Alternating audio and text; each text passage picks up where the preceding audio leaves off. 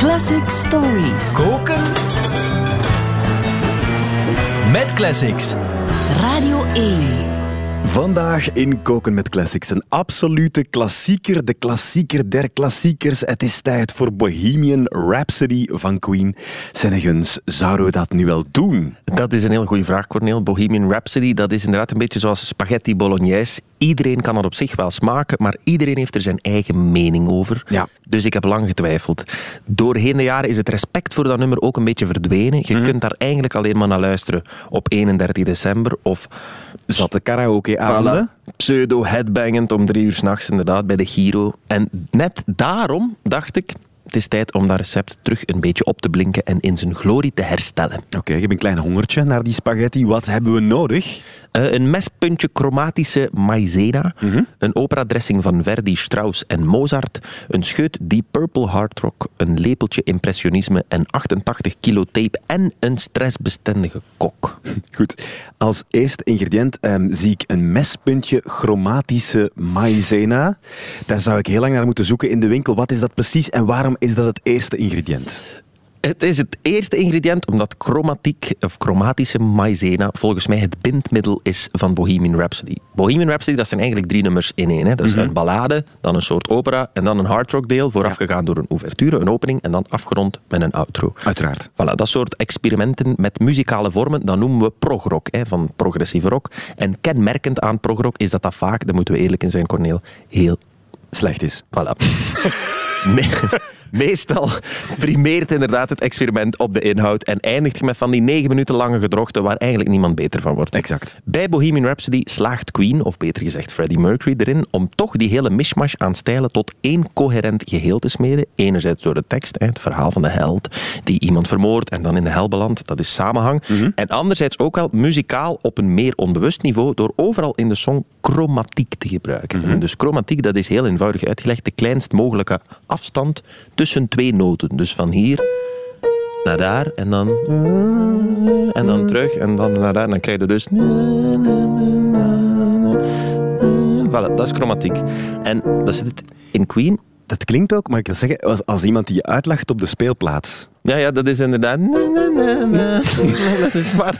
Dat heeft er inderdaad wel wat van weg. Ja. Dus vanaf nu zeg niet langer uitlachtelevisie, maar chromatische televisie. inderdaad, als je de.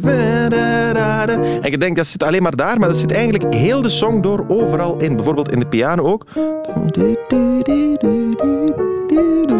Dat is hetzelfde systeemke. En het zit soms ook meer verborgen. Bijvoorbeeld in de solo van Brian May.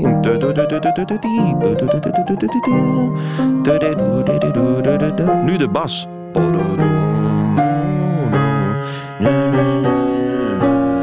Dus heel die... Dat is ook chromatisch. En dan zitten we in de opera. Hè. Ook chromatisch.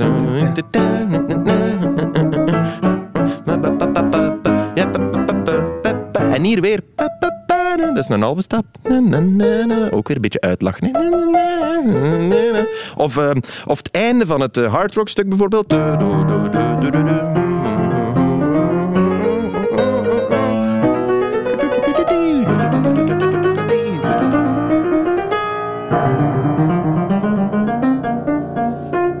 Het is allemaal chromatiek, dat is ook een halve vingerbreekoefening. Maar dan kom je hier.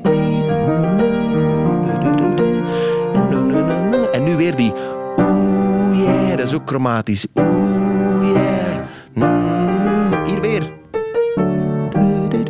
Halve stap. Weer een halve stap. Het zit, het zit bom, bom, bom, bom, bom, bom, bom, bom, bom, vol. Ja, en het is ook een soort van eindexamen piano, dit. Ja, ja, dat is het ook. Ik, ben, ik hoop dat ik geslaagd ben. Ja, absoluut. Eh, wat mij betreft wel. 10 op 10. Ehm, vervolgens hebben we een opera-dressing nodig van Verdi, Mozart en Strauss. Ja. Het eerste deel van Bohemian Rhapsody, ballade, gevolgd door de prachtige Brian May solo, tot daar alles normaal, maar dan belanden we dus in de opera. En de opera, dat is geen rock-opera, dat is geen Tommy van The Who, dat is echt klassieke opera. Het is gewoon gespeeld met rockinstrumenten, maar dus met de ingrediënten van klassieke opera in een dressing. Om te beginnen, het koor. Ja? 60 tot 80 zangeressen en zangers van superlaag tot superhoog. Bij Queen gezongen door slechts drie venten die doen alsof ze met 80 mannen en vrouwen zijn. Geïnspireerd bijvoorbeeld op Il Trovatore van Verdi, waar toevallig of niet ook wat van die orkestrale accenten hom, hom, hom in zitten.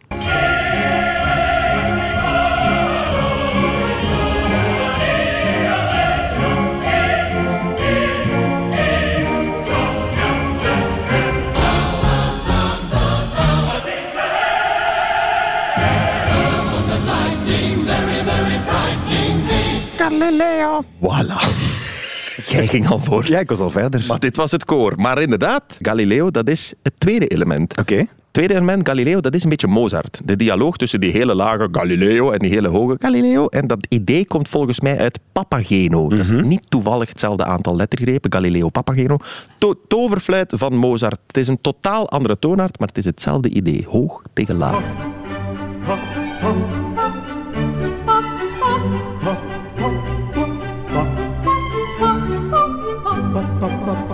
Door Galileo? Galileo, Galileo Figaro, ganz? Je hebt ook heel muzikale kinderen. Zing, roepen die jou zo? En die roepen... Ja. Ja, als ze niet kunnen slapen, dan roepen die naar beneden. Galileo! En dan eh, kom, kom ik naar boven.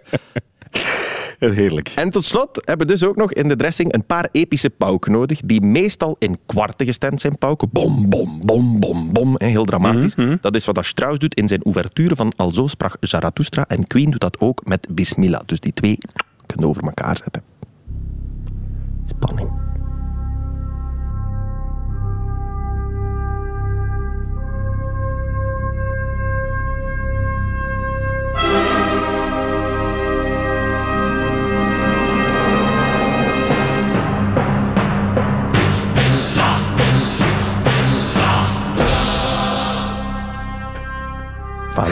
Ja, goed. Goeie remix. Dressing. Ehm, een scheut Deep Purple Hard Rock. Ja, zeker. Door al die pophits die Queen gehad heeft, zou je bijna vergeten dat dat oorspronkelijk een vrij stevige hardrock band was. Dit is ook Queen.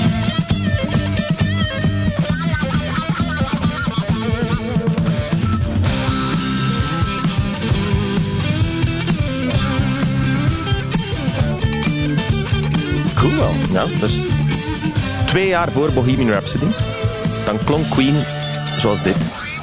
Heel cool. Ja, de, de invloeden daarvan, dat is veel meer Jimi Hendrix en Deep Purple. En daar ligt dan ook de inspiratie voor het derde deel in Bohemian Rhapsody, de, het hard rock stuk, waarbij je Freddy dan ook niet geheel toevallig perfect zou kunnen laten zingen over pakweg Black Knight van Deep Purple. Black night is a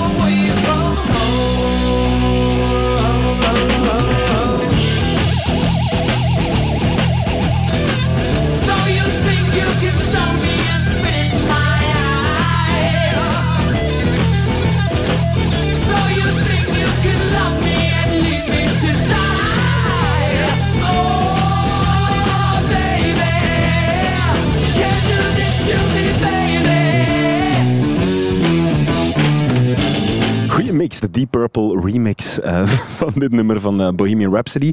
Een lepeltje impressionisme moeten we er nog aan toevoegen. Mhm. We zijn er bijna. Elke goede opera heeft een ouverture, een intro, waarin de elementen worden gepresenteerd die in de opera aan bod zullen komen. Ja. Meestal wordt die gecomponeerd op het einde, als de opera zelf al klaar is. Echt? Zodat je, we- ja, dan weet je als componist, daar moet ik naar toewerken, Ah, ja, refereren. Ja. Ook bij Bohemian Rhapsody is dat einde, is, of het begin is op het einde geschreven. Freddie Mercury schrijft dit begin, die, met dat heel prachtig akkoord begint hem zo. Hè.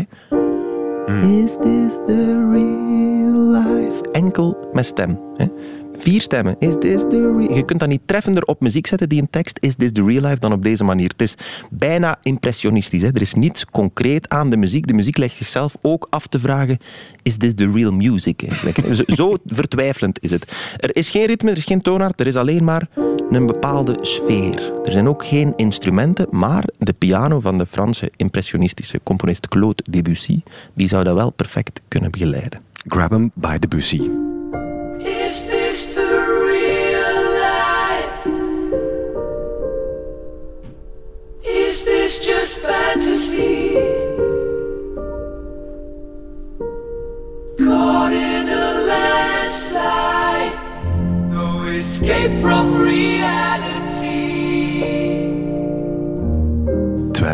Dit had een heel hoogdravend moment kunnen zijn, behalve dat jij het aankondigt met Grab It by the Pussy. Ja. Ja, het werkt wel. Ja, je hebt soms een beetje ehm, spannende momenten nodig, dan komt dat misschien in de krant of Ja, zo. voilà. Bij Deze podcast.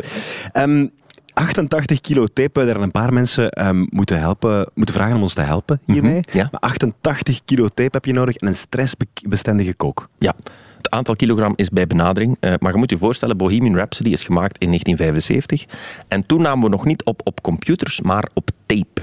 In tegenstelling tot onze huidige harde schijven is de opnamecapaciteit op tape redelijk beperkt. Dus om met drie zangers, Freddie Mercury, Brian May en Roger Taylor, een koor van 80 man na te doen, daarvoor heb je heel veel zangtakes nodig. En vooral ettelijke kilo's peperdure tape. Het was niet voor niets de duurste productie ooit in die tijd.